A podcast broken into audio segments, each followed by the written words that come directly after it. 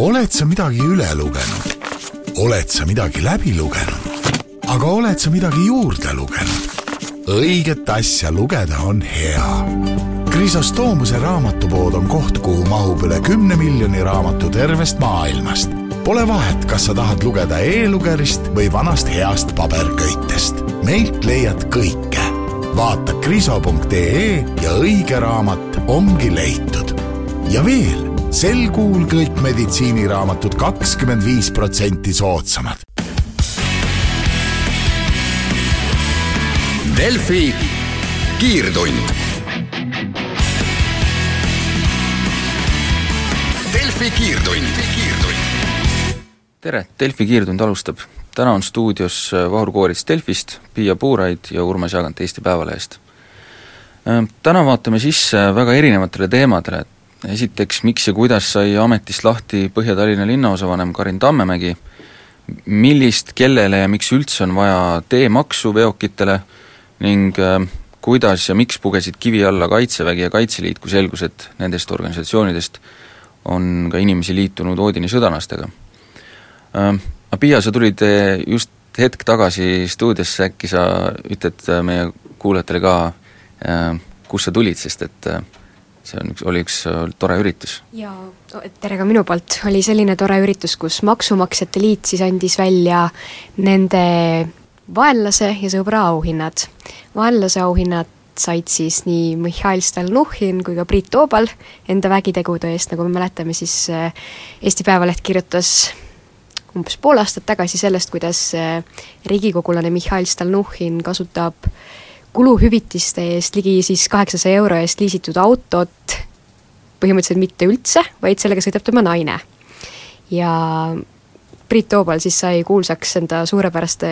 kiirtankimisvõimete pärast. ja see aasta press, Maksumaksjate Liidu sõber jäeti küll välja andmata, kuid eriauhinna sai siis Eesti Päevaleht just nimelt eh, Mihhail Stalnuhhinit puudutavate lugude eest. nii et eh, palju õnne Eesti tegusaimale uudistetiimile. Äh, aga lähme teemade juurde. Äh, Piia, sa oled, sa oled siin päris pikka aega erilise hoolega jälginud ja kajastanud Põhja-Tallinna linnaosavanema Karin Tammemägi tegemisi, et et äh, eile selgus siis, et linnapea asetäitja Taavi Aas vallandab ta päevapealt linnaosavanema ametist. ametlik põhjendus on siis hästi lühidalt kokku võttes jamad linnaosavalitsuses ja halb tööõhkkond et ähm, mis seal siis täpsemalt juhtus, et miks see nagu nii, nüüd nii järsku ja kas, kas see, kuidas see põhjendus nagu kõlab? see juhtus tõesti meie jaoks järsku, aga täna ka seal linnaosavalitsuses käies räägiti, et, et tegelikult see otsus on juba niimoodi kuid kusagil oodanud, sellist lõplikku öö, otsustamist. huvitav, mida, mida siis oodati? ma olen niimoodi aru saanud, et eh, üritati Karin Tammemäele pakkuda seda või teist kohta, millega ta lõpuks ise ka nõus ei olnud, ta ei olnud ju nõus ka sellele lahkumisavaldusele ise alla kirjutama, vaid siis tuligi lihtsalt ta vallandada. ma usun, et see sisekliima on selline see ei ole kindlasti see põhjus, miks see otsus niimoodi nüüd päevapealt ära tehti, vaid see on ikkagi kogunenud juba kuid, kui mitte öelda aastaid, et Karin Tammemägi on meedias ikka üle paari kuu jälle figureerinud enda nii-öelda vägitegudega ja samal ajal erakond siis pelgab et ehk see tähelepanu läheb juba nagu liiga suureks ja järgmistel valimistel ei õnnestu tal see, mis on seni õnnestunud ja kas on temast äh, üldse kasu. see tundub selles mõttes huvitav, et Keskerakonda tavaliselt ei ole üldse häirinud see, kui keegi keegi saab kuskil avalikult nuuti või teda trambitakse mingisuguste asjade pärast, noh, tihti õi-, tihti õigusega, mõnikord võib-olla on tähelepanu läinud ka nagu liialt suureks, aga aga sel puhul, Karin Tammemägi puhul kindlasti õigusega, et et mina ei äh, mäleta küll ühtegi teist sellist äh, keskerakondlast, keda, kui me räägime näiteks linnaosa vanematest, kes tõesti iga kahe kuu tagant järjekordse skandaaliga meedias figureeriks. aga, aga millest see nagu tuleb siis, et kas ta on kuidagi äh, eriliselt selline noh, ma ei tea, kas sobib öelda nahaalne, või on ta selline ja nagu isepäine, äh, et ta mõtleb nagu ise välja, kuidas mingeid asju lahendada, sest et keskerakondlastel on ju äh, noh, tavaliselt saadakse kuskilt mingid juhtnöörid, et äh, omapäi toimetamine ei, ei pruugi head tulemust anda.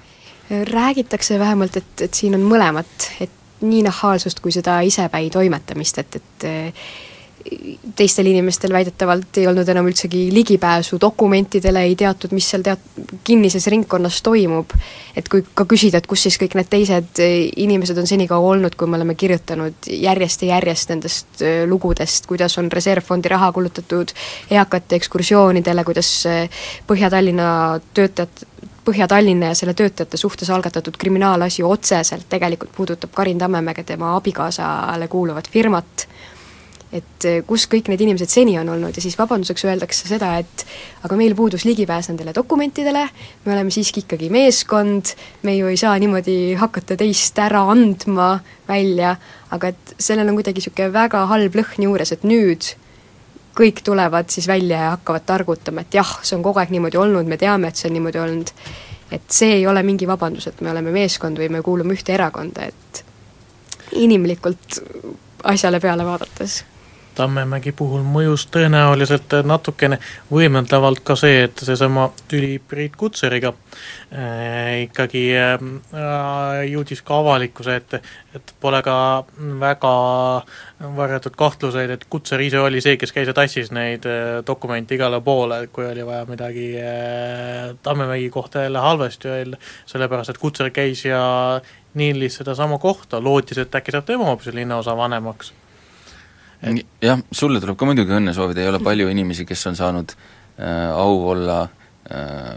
abi linnaosa vanema poolt või linnaosa vanema asetäitja poolt, kutseri poolt siis kabinetist välja visatud. tuleb ette nii üht kui teist, et ega ei ole mõtet nüüd ka ületähtsustada sellist väikest äh, vahejuhtumit, et äh, on inimesi, kellega on läinud palju, ütleme äh,, palju halvemini, et ma võrreldes nende inimestega, kes on seal Põhja-Tallinna linnusevalitsuses kutserid pidanud taluma aastaid, ma usun, et et sul läks veel hästi? mul läks väga hästi, jah. Mida, mida arvata nagu Tammemägi ametist lahtisaamise puhul sellest, et et äkki on üks põhjus mitte need probleemid ise, vaid see, et need probleemid nagu välja tulid? et, et ta ei suutnud äh, kinni toppida seda leket, ku-, kuidas need, kuidas need asjad äh, avalikkuse ette jõudsid jaa, kipub olema küll selline tunne, et, et kui neid teemasid ei oleks meediasse jõudnud, neist ei oleks äh, teadagi saadud, kindlasti ei oleks see otsus, ma arvan, ka niimoodi tulnud, nagu see eile tuli. Äh, selle teemaga vaatame, võib-olla jätkame mm, paari hetke pärast veel, aga nüüd äh, käime väiksel pausil, kuulame reklaami ja siis oleme eetris tagasi. Delfi kiirtund Delfi kiirtund.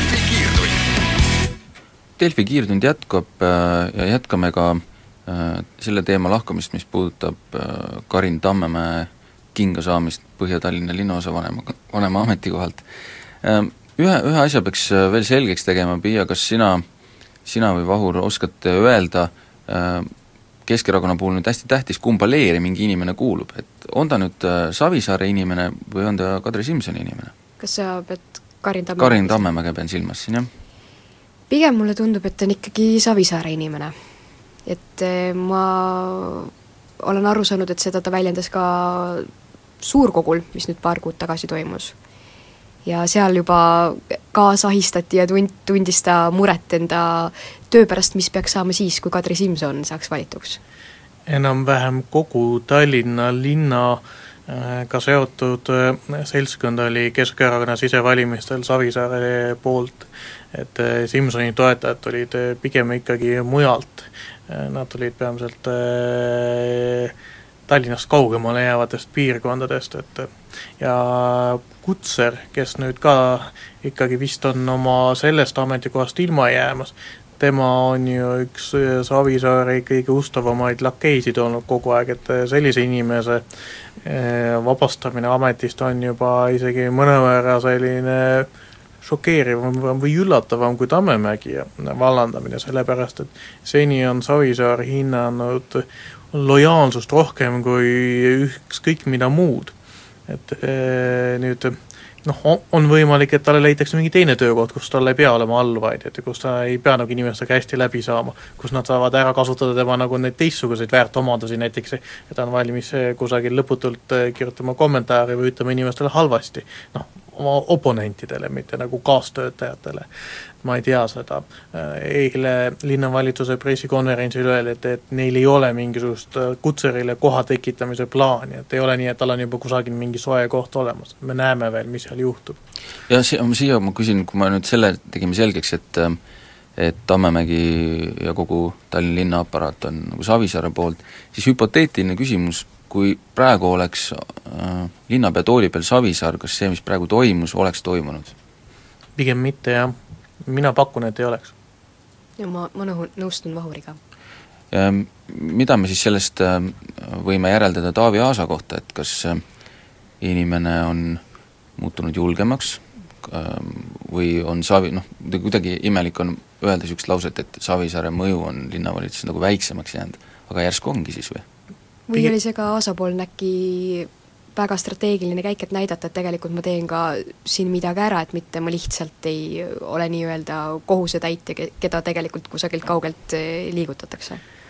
Savisaar on ikkagi olnud eemal juba no tegelikult suurema osa eelmisest aastast, nüüd kohus jälle ütles, et ta peab jääma linnapea ametist eemale maikuuni, Äh, tundub tõenäoline, et seda võidakse veel pikendada ja pikendada, et on kätte jõudmas tõesti võib-olla see koht, kus linnavalitsus vaatab, et ütleme, selline jätkukursile äh, minek, et kus lihtsalt jätkatakse kõike seda, mis Savisaar kunagi tegi, et see nii ei saa enam lõputult, on vaja teha tegelikke otsuseid. Ja samal ajal, kus Savisaarelt ei saa ju käia ka otseselt nõu küsimas, sest kui ta jääb linna juhtimisega vahele, võib juhtuda, et ta pannakse vangi selle eest, et on võimalik ikkagi ka see eeluurimisvangistus, kui ta ikkagi rikub oma tõkendit. see siis tähendab omakorda ikkagi seda, et eh, ka kõige parema tahtmise juures on eh, Savisaarele tsipa keeruline just ikka kõikvõimalike igapäevaasjadega kursis hoidmine. jah, et võib-olla mingi suuri olulisi otsuseid ta mingis ulatuses eh, nõustab või annab oma nõusolekut, aga linnas on ka igasugu väiksemaid ja keskmise tasemega otsuseid ja igasugu asju on, mida on vaja teha ja äh, tundub, et nagu vähemalt mingis ulatuses jah, et paratamatult need linnajuhid, nad peavad mingisuguseid otsuseid langetama, et nende see isikliku otsuste tegemise ruum kasvab iga kuuga, mis Savisaar on eemal. ja inimesed hakkavad taipama, et see laev ei plahvatagi kohe, kui Edgarit äh, nagu puldi juures ei ole. aga räägime natukene siit edasi ka Keskerakonnast laiemalt, sellepärast et äh, samal ajal, kui Tallinnas sebib Taavi Aas, siis äh, ülejäänud Keskerakonnas äh, ma olen aru saanud, käib juba selline väga tõsine äh, ettevalmistus selliste positsioonide ümbermängimiseks ja need inimesed, kes on olnud Simsoni leeris, ehk siis Edgar Savisaare vastu, hakkavad vaikselt või õigemini, neid hakatakse ära nihutama nendelt toolidelt, kus nad seni on istunud seda üritatakse teha, kui edukas see on, on muidugi omaette küsimus, et me näeme Keskerakonnas enneolematut olukorda, kus Savisaare võim ei ole täielik. et kõigepealt ei ole tema kontrolli all Riigikogu fraktsioon, kus, mis on üsna kindlalt Simsoni kontrolli all ja kui nüüd Ida-Virumaal prooviti võimu üle võtta, eh, kus eh, Narvas valiti siis Yana Toom selle piirkonna esimeheks, et ühelt poolt on eh, selline katse seda võimu üle võtta, aga samal ajal Toom on igapäevaselt Brüsselis. tema käib seal Narvas võib-olla mõned nädalavahetused kuus, et samal ajal näiteks sealsamas Narva juhatuses on kõik kohalikud inimesed, kes on igapäevaselt seal olemas, et nende inimeste selline tegelik võime mõjutada seda, mis tegelikult toimub selles linnas, on tõenäoliselt ikkagi suurem kui Yana Toomil, kes on Brüsselis tegelikult. ja noh, vaatame, mis juhtub äh, Tartus, kus Oudekki Loone üritab kukutada Aadu Musta. et Loo-, Loone on Tartu seisukohalt ikkagi võõrast, ta on tulnud väljastpoolt no,. eriti võrreldes Aadu Mustaga, kes on seal ju noh, terve oma elu tegutsenud, et ja. on kõigile väga tuntud ja ta ka meeldib paljudele jah, et äh, ütleme, ka Savisaare toetajatele Must oma sellise oleku, oma isikuga, ta na-, natukene sarnaneb, et selline vanem härrasmees Keskerakonna vanematele liikmetele võib olla ikkagi natukene sümpaatsem kui selline ikkagi suhteliselt noor naisterahvas, kes tuleb kusagilt väljaspoolt ja kelle ainus toetus on see, et tõesti Savisaar teda soovitab mis sa arvad sellest, kas ähm, kui me räägime sellest, et äh, fraktsioon Riigikogus on äh, praegu Simsoni kontrolli all, siis ma ei tea, kuidas sulle tundub, mina olen märganud väikseid samme sellest, kuidas on hakanud toimuma mingi ähelemine, inimesed sebivad rohkem, sõnavõtud Keskerakonna fraktsiooni teiste liikmete poolt on, eriti mõne poolt, on sellised jõulisemad ja ega ju ütleme, Riigikogu esimeeste, aseesimeeste äh, ja ka fraktsioonijuhtide ümbervalimise aeg ei ole ka ju kaugel. et äh, see peaks olema vist, kui ma nüüd ei eksi, mingi kuu aja pärast umb, umbkaudu. jah, aga praegustel hinnangutel peaks olema Simsonil üsna tugev ülekaal sellepärast et ega selle järgi, kuidas inimesed hääletasid Keskerakonna kongressil, ei saa eeldada, et eh, needsamad inimesed alluvad pimesi Savisaare soovidele ka kõigis muudes eh, käikudes, et Riigikogu fraktsiooni puhul on eh, suureks probleemiks Simsoni vastasele leirile see, et ei ole ühtegi loomulikku liidrit. on räägitud siin Siret Kotkast või Jaanus Karilaiust, nad on mõlemad väga värsked Riigikogu liikmed, kumbki ei ole tõestanud äh, vähegi oma võimet äh, midagi juhtida või kummalgi ei ole mingisugust äh, staatust ka Riigikogus teiste fraktsioonide silmis. Tuleb arvestada, et fraktsiooni esimees on see inimene, kellega fraktsiooni liikmed peavad igapäevaselt koos töötama, fraktsiooni esimehest sõltuvad ikkagi asjad iga liikme jaoks, et neile on oluline, et neil oleks fraktsiooni esimees, kes neile meeldib ja kes saaks selle tööga hakkama, et Savisaarel on hea öelda, et paneme Siret Kotka või Jaanus Karilaiu. kui teised inimesed seal fraktsioonis näevad, et ikkagi nad ei taha töötada, vaid nagu see inimene ei saa hakkama sama hästi, kui äh, saab näiteks Simson, siis nad võivad leida, et noh, see, neil ei ole seda vaja. kui mina vaatan Riigikogus käies ringi ja vaadates ka neid sõnavõtte, siis mulle tundub, et hea küll, võib-olla Jaanus Karilaidu nii palju nagu veel ei tunta või ta on nagu värske liige, mulle selgelt näib, et ambitsiooni on tal küll nagu äh, kärutäite kaupa, et et ähm, ma just teda pidasingi silmas, kui vaadata seda, kuidas sõnavõtud on viimasel ajal läinud teravamaks, et et kui mulle veel enne Keskerakonna kongressi tundus, et ähm, et Karilaid võiks olla inimene, kes on niisugune noorema põlvkonna poliitik ja pigem äkki Simsoni leeri inimene, siis ähm, see kongress tõestas seda, et ta ühel hetkel õigemini ise otsustas, et äh, ta võtab Savisaare joone ja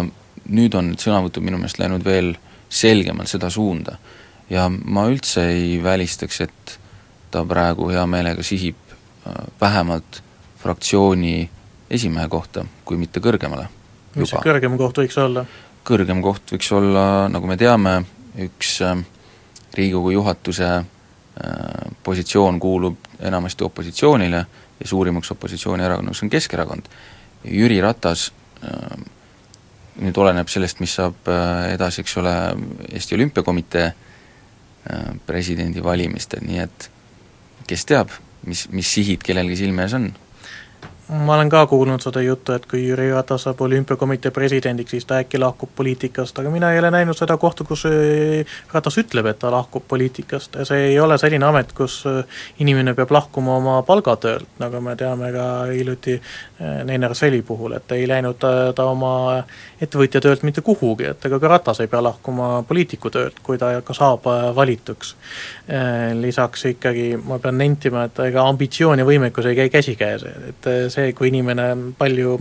rabeleb, siis eh, eriti kui see rabelemine käib hästi palju väljapoole, hästi palju niimoodi eh, meedia tähelepanu nimel, siis see ei eh, tähenda ilmtingimata, et ta on sisuliselt võimekas, et Jaanus Karilaid tõenäoliselt ei ole ka oma erakonnakaaslastele suutnud veel ülemäära hästi selgitada, et temas on nagu tegelikku juhi materjali. et jah, et üks asi on teha kõva häält ja nagu äh, tormata kuhugi mingitesse võitlustesse, teine asi on tegelik suutlikkus mingeid asju teha jah, igatahes huvitavad ajad tulevad äh, Keskerakonna sees, ähm, siit lähme nüüd äh, Delfi kiirtunniga pausile, kuulame uudiseid ja pärast seda oleme tagasi. Delfi kiirtund Delfi kiirtund. Delfi kiirtund jätkub, stuudios endiselt Vahur Koorits, Piia Puuraid ja Urmas Jaagant. Äh, räägime edasi sellisest seltskonnast nagu Oodini sõdalased. et Eesti Päevaleht on kirjutanud, kuidas nende isehakanud turvalisuse tagajate seltsi kuulub ka kaitseliitlasi ja kaitseväelasi. Äh, mõlema riikliku nii-öelda relvaorganisatsiooni juhid on aga vältinud nii palju kui võimalik pikemalt kommenteerimas seda, äh, kas Oodini sõdalaste pundiga Äh, liitumine siis kaitseväelaste ja kaitseliitlaste poolt on, on nagu nende jaoks okei okay.. Ähm, kas selle teema nagu selles mõttes on üldse tähtsust, kas liitujad on sõdurid või vabatahtlikud sõdurid või mingisugused muud inimesed, kuidas sulle tundub? ma arvan, et äh, eristada tuleks kindlasti, et kas see liituja on tõesti noor tudengipoiss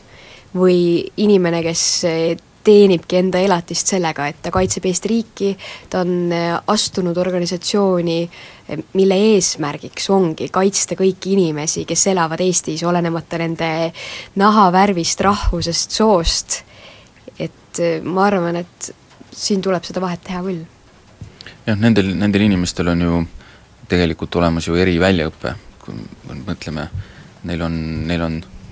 küll mitte nagu igapäevaselt, aga neil on juurdepääs relvadele, eks ole, nad teavad äh, võib-olla selliseid asju, mida tavaline jõmm kuskilt tänavalt ei tea, eks. Ähm, kui sa peaksid pakkuma põhjust, miks äh, Kaitseväe ja Kaitseliidu ülemad nagu jätame nüüd kõrvale selle, et kes oli parasjagu kuskil reisil või kes oli toas, kus telefoniga rääkida ei tohi, siis mis põhjusel nad ei soovi seda teemat kommenteerida? Nad ise toovad ju välja selle põhjuse, et, et sellist organisatsiooni ei ole justkui olemaski, et MTÜ-d ei ole loodud. minu meelest on see põhjus sellepärast eriti kum-, kummastav, et et kui näiteks Ku Klux Klan tuleks Eestisse ja me ütleme, et aga nad ei ole veel nagu juriidilist keha teinud, et me ei tea, et kas, kas nad hakkavad tegema midagi seadusvastast, kas nad on üldse rassistlik organisatsioon. et me ju näeme väga hästi, mida Oodini sõdurid eh, teevad Soomes, teevad Rootsis, kus nad juba patrullivad, millised on nende seisukohad, millised on nende väljaütlemised. et kui me ka ise reedel seal kohapeal käisime, siis see kõige mahlakam kõnepruuk, mida seal kasutati, jäi küll sellest leheloost välja, sest et trükimusta see ei kannataks aga et äh, öelda nüüd, et me ei tea, et mis on nende eesmärgid näiteks või mida nad päriselt tegema hakkavad, et et seda kindlasti ei saa. ja mul on ka, mul on ka raske ette kujutada, kui näiteks üks äh, narko, narkovedajate punt, organiseeritud kurjategijad äh, tulevad Eestisse, siis prokuratuur ja politsei keerutavad pöidlaid senikaua, kuni nad loovad oma MTÜ või osaühingu. või seni, kuni nad teevad juba midagi seadusevastast. see on üks eraldi punkt, millest ma tahtsin rääkida, et et üks, üks peamine põhjendus, mis on öeldud, et selleks, et nagu probleemi justkui ei ole, on see, et äh, mitte midagi ei ole ju juhtunud. noh, okei okay,, nad ei ole teinud seda organisatsiooni, aga keegi ei ole ju, kedagi ei ole kuskil jälgitud, mingit patrulli pole korraldatud, mind ajab nagu sel-, see on nagu täiesti hämmastama, et äh, kui me räägime, Eestis on tavaliselt äh, kogu aeg häda sellega, et meil tehakse mingeid asju nagu pretsedendipõhiselt, et et ammu aega räägitakse, et mingi teelõik on kuskil libe või see on väga ohtlik, ei toimu enne mitte midagi, kui seal juhtub õnnetus. kui on seal juhtunud õnnetus, siis hakkavad kõik rääkima, et jaa, siin on probleem, see tuleks nagu korda teha. nüüd, kui, nüüd kui räägitakse ühest teemast, mida oleks võimalik ära lahendada enne, kui midagi juhtub, äh, tullakse välja jutuga, et aga midagi ei ole ju juhtunud, et kas siis keegi peab saama peksa või, või mis, mis siis peab juhtuma, ma muidugi ütlen, et ma ei eelda seda, et nad hakkavad inimesi peksma, jumala eest seda mitte, aga lihtsalt, et kas on vaja jälle mingisugust, äh, mingisugust juhtumit, et hakatakse asjale tähelepanu pöörama, see on, see on nagu veider lähenemine, üht, ühel juhul ühtpidi, teisel pool, teisel juhul teistpidi. sellega käib kaasas ka tegelikult ju see vihakõne ja inimeste väga-väga räige sõimamine, kus täpselt samamoodi tuuakse välja, et me ei saa senikaua mitte midagi teha, kui midagi reaalselt on juhtunud või reaalselt keegi on tulnud sind ähvardama tänaval. et kui keegi sind verbaalselt sõimab, ta võib teha seda jumal teab mis piirideni ma natukene vaidleksin teiega siin nüüd vastu. et Odini sõdalased on nüüd kindlasti üks selline organisatsioon, mille vajadust Eestis mina ei näe. aga ma ei ole ka kindel, et selle vastase võitluse kõige paremaks meetodiks on see, et kogu aeg jauratakse sellest ja omistatakse võib-olla sellele organisatsioonile tähtsust, mida sellele hetkel kindlasti veel ei ole et see, kogu see seltskond on kogunenud, ütleme, siia selle laiema pagulaspaanika taustal, see on teatud hüsteeriline reaktsioon mõttele, et Eestisse tuleb teistsuguse nahavärvi ja teistsuguse usutunnistusega inimesi, kuigi neid on tegelikult siin juba olemas ja neid on vaikselt tulnud ja mitte midagi väga hullu ei ole juhtunud siiamaani ja ma ei ole kindel, kas tavalisele hästi emotsionaalsele reaktsioonile vasta-, vastaseks on mõistlik ise jällegi väga emotsionaalselt äh, reageerida, et äh, nii Riho Terrase kui mm, Meelis Kiili selline mitteemotsionaalne, äh, rahulik selline selle asja ütleme natukene seda temperatuuri maha tõmbav reaktsioon on minu arvates suhteliselt õige, sellepärast et suurem osa nendest inimestest, kes äh, seal äh, reedel olid, ei ole tõenäoliselt mitte veendunud natsid, kes tahaksid äh, valge rassi ülemvõimu hakata nüüd kehtestama kaikaga, vaid enamik neist inimestest, vähemalt neist, kes on seal Facebooki gruppides, neid, kes seal on seal kohal, on inimesed, kes ütleme, kelle, kes nagu väga ei saa aru, miks need pagulased tulevad, kust nad tulevad, miks need on vaja neid inimesi aidata ja eh, see nende reaktsioon ise emotsionaalne. et eh, ja ma ei ole kindel, kas eh, inimesele, kes on mingil põhjusel hästi erutunud, hästi närvis, et kas talle omakorda väga emotsionaalselt laetud lähenemisega pealeminek on õige ei, kindlasti mitte, aga see peaks olema võimalikult ratsionaalne, ikkagi tegema selgeks, mis piirideni mingi käitumine on aktsepteeritav ja lubatud, et keegi ei oodanudki Kaitseväe ja Kaitseliidu ülemate poolt seda, et nad hakkaksid väga emotsionaalselt eh, seda kõike hukka mõistma, vaid et nad võtaks konkreetse seisukoha selle näol, et kui need inimesed hakkavad üks hetk eh, moodustama juba patrulle ja seda ka tänaval tegema, kas see on näiteks Kaitseliidu eh, liikmetele või igapäevaselt tegevväelastele lubatud? ütleme niimoodi, et Kaitsevägi saab mõjutada oma palgatöötajate käitumist, mis puudutab Kaitseliitu, siis tuleb ikkagi arvestada. Ja ärge nagu hakake üldse ütlema, et see on vale, tuleb arvestada seda, et need inimesed on ikka sada protsenti vabatahtlikud see hetk, kui nemad tulevad isiklikult oma vabast ajast välja, on see, kus nad teevad. ja kui nad ütlevad, et nad ei tule, siis nad ei tule. ja täpselt nii, nii lihtne see ongi. et ei, ei tasu omistada Meelis Kiilile või võimu, mida tal ei ole, tal tegelikult ei ole võimu nende inimeste üle. siin minul tekitas küsimusi võib-olla kõige rohkem ka see, et rääkides nende kaitseliitlastega, kes juba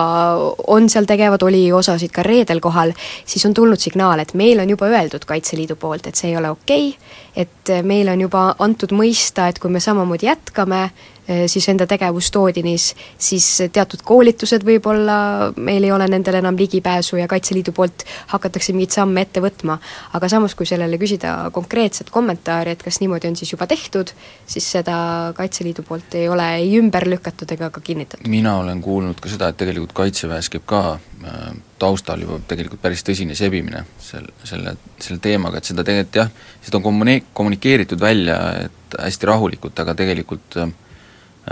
seestpoolt asjad arenevad, et tõesti, võib-olla sul, Vahur, on õigus, et selle koha pealt, et äh, et tuleks nagu avalikkuse ees rääkida nagu rahulikult ja emotsioonideta, muidugi mis, mis Kaitseliidu ja Kaitseväe juhte piirab, on, on see, et äh, ega nemad ju lähtuvad nagu seadusest. et nende asi ei ole, nad ei ole, nad ei saa kunagi anda nagu poliitilist hinnangut. et selles mõttes on Hannes Hanso kaitseministrina, kes selle asja nagu hukka mõistis, nagu teistsuguses positsioonis, et tema saab anda nagu hinnanguid. et äh, mida mina nagu oleks oodanud, võib-olla vähe kiiremini seda, et et oleks öeldud, et äh, näiteks Kaitseväe juhataja poolt, et jah, teame, et niisugused inimesed on, on liitunud ähm,, leian, et see, et see ei ole võib-olla kõige mõistlikum, räägime inimestega sellest, et et kas nad, kas ikka seda peab tegema, sest keelata seda iseenesest ju ei saa. ja praegu niisuguse väga kiire äh, otsinguga olen ma alates esmaspäevast kohanud veel mitmeid kaitseliitlasi, kaitseväelasi, kes selle rühmitusega, sellele rühmitusele on toetust avaldanud, et eh, neid inimesi ei jää kindlasti vähemaks, vaid võib-olla just tekib aja jooksul juurde. siit Delfi kiirtund läheb äh, pausile, pärast seda jätkame. Delfi kiirtund Delfi kiirtund. Delfi kiirtund jätkab saate viimase osaga, mille siis täidame sellise teemaga nagu teemaks. et valitsus on siis nüüd otsustanud, et äh, uus maks Eestis tuleb. see saab olema ajapõhine teekasutustasu, on see õige väljend siis, veokitele, mis on raskemad kui kaksteist tonni. Mm, seni on e-, Eesti olnud äh, kui mitte päris ainus, siis üks vähestest riikidest Euroopas, kus peale kõigile kohustuslikke kütuseaktsiisi ja raskeveokimaksu ei koguta ühtegi muud transpordimaksu ega tasu. et ähm, kuidas teile tundub, mi-, minu jaoks äh, natuke hämmastas see, et, et selle teemaga tuldi välja niipidi, et justkui meil on nüüd vaja koguda sutikene lisaraha selleks, et ehitada äh, neljarajaliseks järgmine lõik Tallinn-Tartu maanteest, et et see natuke meenutab mulle seda, kuidas tuldi välja kooseluseadusega, et tuleme niimoodi pehmelt mingisuguse teise teemaga, et me nagu lii-, inimesi liiga üles ei ärritaks et äh, ärme räägi maksust, vaid kõigepealt sellest, et tuleb uus mida sellest saab? jaa, et me saame kõigepealt selle ja siis on meil noh, on vaja natukene ka siin maksu koguda. aga kui me asja sisust räägime hmm,, ma ei tea, minule tundub see nagu mõistlik, et kui me, kui seda igal pool mujal kogutakse, miks me peaksime laskma veokitel äh, trampida meie teid äh, lihtsalt niimoodi, et selle eest mingit raha siia ei jää minule tundub see ka mõistlik, aga samas ma ei saa ka lõpuni aru, miks ei saaks eh, koguda raha sõiduautodelt, kes sedasama neljarealist Tallinn-Tartu maanteed kasutavad, et need summad kindlasti ei oleks ju nii äraütlematu suured. sa mõtled summad, mis võetakse siis äh, selle maantee kasutamise eest ühe auto käest, jah no,? seal on alati toodud põhjenduseks see, et äh, et see raha, mis sealt nagu kokku kogutakse, on sedavõrd väike, et see kas katab napilt või, või pea, peaaegu ei katagi ära seda süsteemi, mis tuleb üles panna selleks, et seda raha koguda, sõltub ikkagi sellest, et kuidas sa teed seda. Eestis on sõiduautosid eh, minu teada umbes eh, pool miljonit või isegi natukene rohkem. et eh, selle peale kas või väikese maksu panemine võimaldaks kohe tekitada üsna suure sissetuleku muidugi seda maksu saab kehtestada ka väga mitmel erineval moel, lähtudes väga paljudest erinevatest kriteeriumitest, et autod on väga hoolikalt eh, reguleeritud valdkond, et sul, on autol tehnilises passis nagu tohutult näiteks erinevat infot, et sa võid igasuguse jublaka pealt aga hakata mingit maksu küsima või vaatama, et kusagil teed mingeid astmelisi süsteeme ja vabastad mingeid asju maksust ja teisi ei vabasta ja et see sõiduautomaks iseenesest muidugi tooks rohkem raha sisse, aga see on ebapopulaarne jah, see on, aga see on ebapopulaarne, aga mitte jututeema, et kui kuulajad panid tähele, siis me veokitest ei rääkinud peaaegu üldse, kohe läksime sõiduautode peale, et aga see on selles mõttes õige, et kui kui see süsteem sisse viiakse veokitele, siis see on selline hea nagu katsetamispõld ka, et kui sul on nii-öelda olemas juba töötav süsteem, miks mitte siis ühel hetkel hakata seda rakendama ka sõiduautodele, sest et äh, olgem ausad, enamik Euroopas seda teeb äh,. On mitmeid riike, kus on auto registreerimismaks, auto aastamaks siis sa pead, maksad veel äh, nii-öelda teemaksu ka selle oma sõiduautoga. et äh, see ei ole üldse Euroopas nii vähe levinud, pigem on erand Eesti, kus, kus mingeid selliseid makse poliitilistel põhjustel ei koguta jah, et tõesti ei saa sa nagu alahinnata seda, et need veoautod lõhuvad teid päris korralikult. seda teevad muuseas ka bussid et eh, kui nüüd on, eh, bussiliiklus on ka nagu selline teema, millest on ju vahel räägitud, et eh, kas bussiliiklus on rongidega võrreldes ütleme, kehvemas olukorras, sest riik toetab Elroni, aga bussid näiteks lõhuvad üsna korralikult teid ja bussid ei maksa näiteks teemaksu ja no bussid maksavad seda aktsiisi tegelikult kütuseaktsiisi näol. nagu maksavad ka rongid. see, see veokite tee lõhkumise osas ma toon ühe huvitava fakti sellest uuringust, mis selle maksu äh, nii-öelda väljatöötamise aluseks oli, seal oli nimelt kirjas, et mida ma varem ei teadnud, et teede projekteerimisel arvestataksegi veoautode telje, teljekoormustega ja sõidu, sõiduautosid, sõiduautode koormuseid üldse ei arvestata. Need jäetakse projekteerimisest välja, sest need ei oma noh, sisuliselt äh, projekteerimise suhtes mingit tähtsust. et äh, see annab suhteliselt hea pildi sellest, milline on veokite mõju äh, maanteede kvaliteedile. muidugi sõiduautod jälle naastrehvidega söövad üsna korralikult asfalti niimoodi, et et kui sa jätad nüüd selle tee nagu selle põhi selle vundamendi nagu kõrvale, vaid räägid sellest, et kui tihti on vaja asfalti vahetada, siis äh, need sõiduautod ikkagi võtavad sealt seda asfalti päris korralikult. Ja just naastrehvid on need seda kindlasti, aga kui me tuleme korraks nende veokite juurde tagasi, et äh, prognoositud kümme miljonit eurot aastas ähm,, kuidas teile tundub, kas see on, kas see on nagu mingi äh,, mingi summa, ma, ma tahan nagu liikuda selle poole, et, et tegelikult ju ikkagi tegeleme selle süsteemi katsetamisega, et ma arvan, et see ei ole lõppeesmärk, kuhu selle nii-öelda projektiga tahetakse jõuda, et see kümme miljonit ei ole tegelikult kuigi suur, kui me mõtleme. äh, Eesti veokite liikluse peale, et siin ütleme, kõige, kõige halvemal juhul ma vaatasin järgi Euroopa direktiivist äh, kui sul on väga halb kombinatsioon seal telgede ja haagiste ja masside ja CO2 heitmetega, siis võib see maks aastas olla ühe veoki kohta umbes tuhat eurot või pisut vähem, aga see on ikkagi aastas, et äh, ütleme, see, see nüüd mul, ma ei tea veondusärist mitte midagi, aga mulle tundub, et see kuigi suur ei ole iseenesest. Ja veoettevõtjad, nagu ma saan aru, siis on ähvardanud suurte hinnatõusudega, mis jõuab siis igasse valdkonda? see mingil määral kindlasti on ka tõsi, sellepärast et äh, ega ju keegi omast taskust seda maksma ei hakka, et äh, see raha võetakse ikkagi klientidelt, et äh, juustuspiimas võib-olla hakkab see mingil määral kajastama, kuigi ma usun, et see saab olema nii imeväike, et et seda nagu mõju inimesed oma praeguste palgatõusude kõrval nagu vist väga ei, väga ei tunneta. Prantsusmaal lasti taoline süsteem põhja siin äh, aasta-kaks tagasi peamiselt argumendiga, et see on väga ebaõiglane äh, perifeersetele piirkondadele, mis on suurtest linnadest kaugel, sellepärast et äh, nende seisukohalt sõidukulu kallineb kõige rohkem, aga seal oli neid kilomeetripõhine. et ma ei tea, kui on nagu selline veoautopõhine, et iga-aastane mingisugune kindel maks, see võib olla on teistsugune, ja ka-, kaalumisel muidu oli ka äh, selline läbisõidupõhine süsteem, aga see oleks läinud selle nii-öelda haldamine ja ülespanemine oleks läinud lihtsalt niivõrd palju kulukamaks, et Eesti valitsus pidas kabinetis mõistlikuks nagu seda varianti hetkel nagu mitte teha. ja, ja eks selle eelduseks on ka see, et Euroopa üleüldse tahab liikuda äh,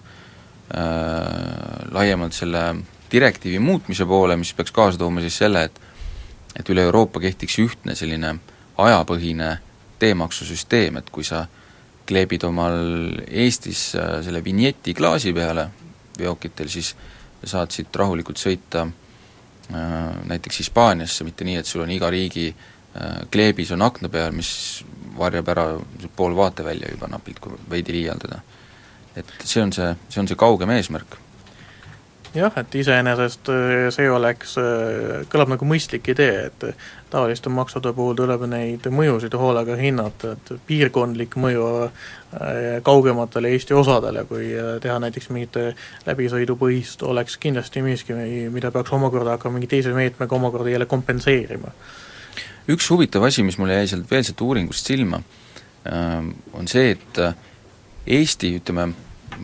mitte perekonna siis, vaid aga ütleme, leibkonna kogukuludest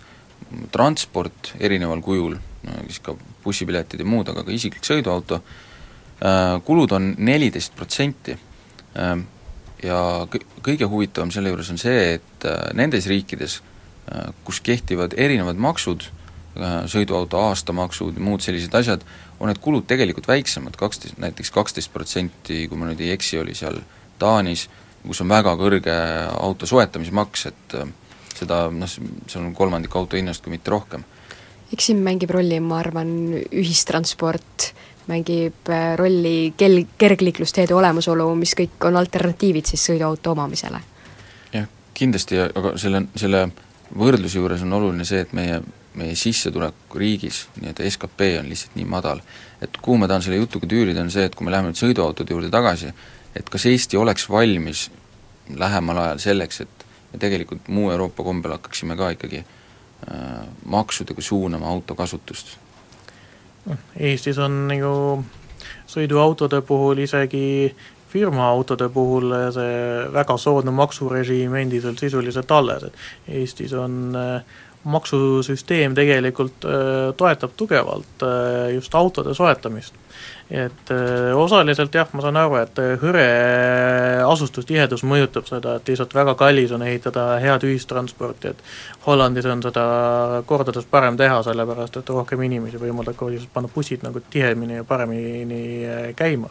Eestis ongi see keeruline, no on kultuurilisi põhjuseid ka, et Tallinnas saaks sõita ühistranspordiga küll, aga ikkagi kellel on raha, eelistab sõita autoga sellega Delfi kiirtund võtab äh, tänaseks otsad kokku, äh, tänan kõiki kuulamast, järgmisel nädalal jälle! Delfi kiirtund. Delfi kiirtund, kiirtund